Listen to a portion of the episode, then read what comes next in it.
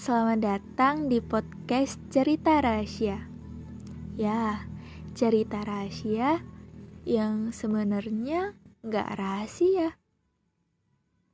Semoga kalian suka. Ya, semoga kalian tetap setia menjadi pendengar yang baik untukku. Sampai jumpa di podcast-podcast cerita rahasia. Bye bye.